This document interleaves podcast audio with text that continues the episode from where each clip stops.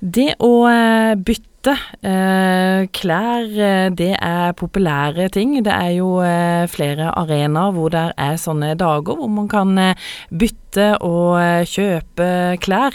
Og til onsdag den 10. april så skal også DNT Ung Sør ha en bytte- og salgsdag. De kaller det for Grønn onsdag. Per Thomas Skånes, fagsjef i DNT Sør.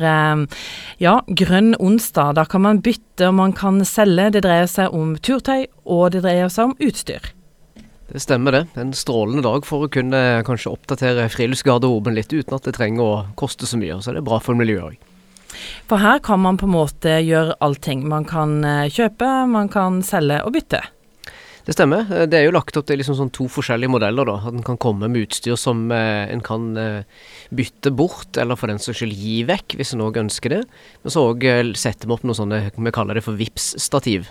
Så det betyr at en kan komme med utstyr en ønsker å selge, og en må da bare merke utstyret godt med, med den prisen en ønsker å selge det for, og med et eh, navn og telefonnummer, sånn at vi kan eh, ha folk i butikken som hjelper til å få kundene som kommer innom, til å kunne vippse riktig beløp til riktig person, sånn at eh, turtøyet får nytt liv hos noen andre. For hvis man har turtøy eller turutstyr, så kan man altså levere det inn til dere. Og så er det sikkert en fin ting å være til stede, men man må ikke være til stede.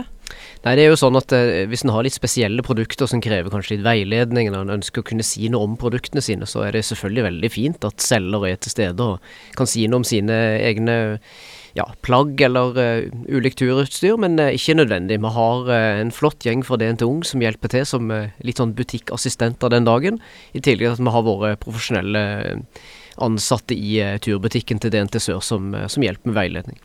Er det spesielle si, krav, eller er det egentlig bare at det skal være helt og rent og pent?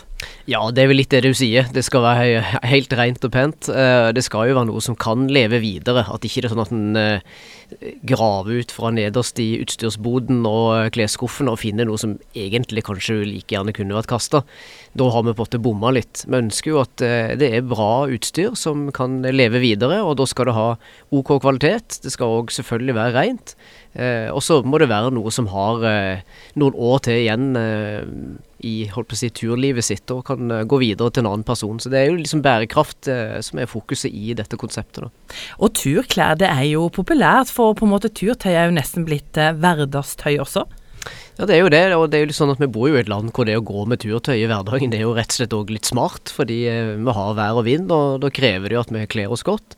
I tillegg til at det selvfølgelig har en kjempefunksjon i forhold til å å dra på tur, og det er det jo flere og flere som gjør òg. Så det er jo en kombinasjon at selve tøyet er populært, men så er det òg aktiviteten friluftsliv som har eh, vokst voldsomt i det siste, og det ser vi òg i DNT Sør. Og dere har en aktiv uh, ung gjeng.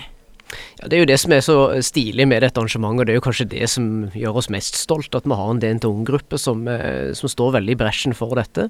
De er veldig opptatt av miljø, og de er opptatt av bærekraft.